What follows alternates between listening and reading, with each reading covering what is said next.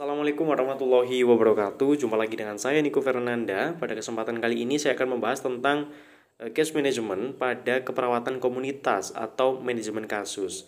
Saya mulai dari pengertian terlebih dahulu.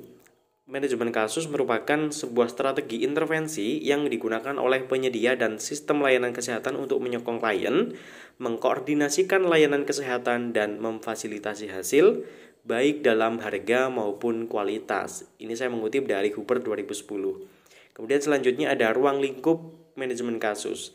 Nah, saya mengutip dari KARS 2012 itu ada 7 poin. Yang pertama, ada pelayanan e, fokus pada pasien, kedua tujuan MPP, ketiga hubungan profesional, keempat hubungan dengan pasien, kelima kelompok pasien, keenam fungsi manajer pelayanan pasien, dan yang terakhir adalah tanggung jawab pasien. Berikut merupakan proses manajemen kasus dalam pelayanan keperawatan kesehatan komunitas. Ada e, empat langkah. Nah, langkah yang pertama ini adalah yang, per, yang pertama adalah melakukan seleksi kasus yang membutuhkan pelayanan keperawatan kesehatan di rumah melalui metode manajemen kasus. Nah, ini ada lima poin. Yang pertama adalah resiko tinggi. Nah, contoh dari resiko tinggi ini apa saja? Yang pertama ada bayi balita, ibu hamil, dan lansia. Kemudian yang kedua adalah pasien dengan amputasi. Ketiga, ketergantungan obat. Keempat, pasien dengan luka kronis, contohnya kekerasan dalam rumah tangga. Kelima, pasien yang menerima pelayanan e, rehabilitasi, contohnya adalah pasien psikiatri. Kemudian langkah yang kedua setelah melakukan seleksi kasus adalah membuat perencanaan penyedia e, penyediaan pelayanan.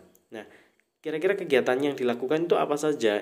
Yang dilakukan ada tiga. Yang pertama, membuat rencana kunjungan atau jadwal kunjungan. Setelah itu, membuat rencana berkaitan dengan tindakan dan pembiayaan yang diperlaku yang diperlukan pasien dari berbagai pemberi pelayanan e, kesehatan. Kemudian yang ketiga adalah menyeleksi sumber-sumber yang tersedia di masyarakat seperti pemberi pelayanan dan pelayanan kesehatan yang tersedia sesuai dengan kebutuhan mereka. Nah, setelah langkah yang kedua, ada langkah yang ketiga yakni melakukan koordinasi penyediaan pelayanan.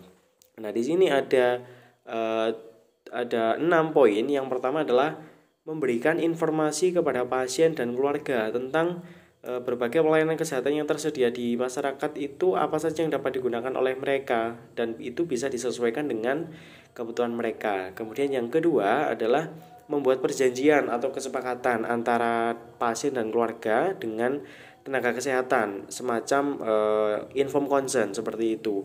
Kemudian yang ketiga, yang ketiga adalah mengkoordinasikan rencana manajemen kasus kepada tim kesehatan yang akan memberikan pelayanan kepada pasien berdasarkan jadwal kunjungan yang telah dibuat.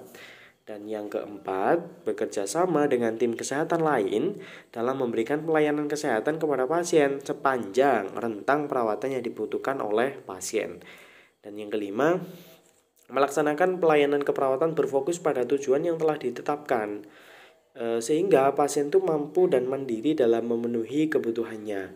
Dan yang ketujuh, eh, yang keenam, melakukan rujukan dengan berbagai pelayanan kesehatan dengan mempertimbangkan kondisi pasien yang akan dirujuk dan keterjangkauan pelayanan dan sumber-sumber yang tersedia. Setelah langkah yang ketiga ini adalah langkah yang keempat, yakni melakukan pemantauan dan evaluasi pelaksanaan pelayanan. Nah, kegiatan yang dilakukan dalam proses ini adalah yang pertama, melakukan monitoring tindakan yang dilakukan oleh tim kesehatan serta perkembangan pasien terkait dengan perubahan status medis, perubahan fungsional pasien, dan kebutuhan e, pendidikan kesehatan pasien dan juga keluarganya. Itu yang pertama. Kemudian yang kedua adalah menilai respon atau hasil akhir pelayanan untuk membuat keputusan tentang penghentian perawatan di rumah. Nah, setelah melalui beberapa proses tersebut, e, tindakan yang terakhir adalah melakukan pencatatan dan pelaporan. Nah, pencatatan ini ada dua tugas yang harus dilaksanakan. Bagi manajer kasus, e, mereka harus bertanggung jawab untuk membuat dokumentasi tentang pelayanan yang diberikan kepada pasien dan keluarga dengan meminta masukan dari tenaga kesehatan yang merawat pasien tersebut. Kemudian e, perawat dalam melaksanakan e, asuhan keperawatan itu bertugas bertanggung jawab membuat dokumentasi askep setiap kali melakukan kunjungan sesuai dengan prinsip pendokumentasian. Dan yang terakhir ada pelaporan di mana manajer kasus secara rutin itu memberikan laporan kepada pengelola pelayanan keperawatan kesehatan di rumah.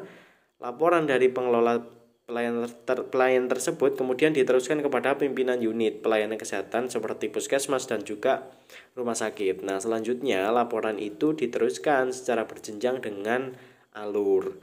Mungkin uh, itu uh, sedikit paparan tentang bagaimana manajemen kasus di uh, keperawatan berbasis komunitas. Sekian dari saya. Terima kasih. Wassalamualaikum warahmatullahi wabarakatuh.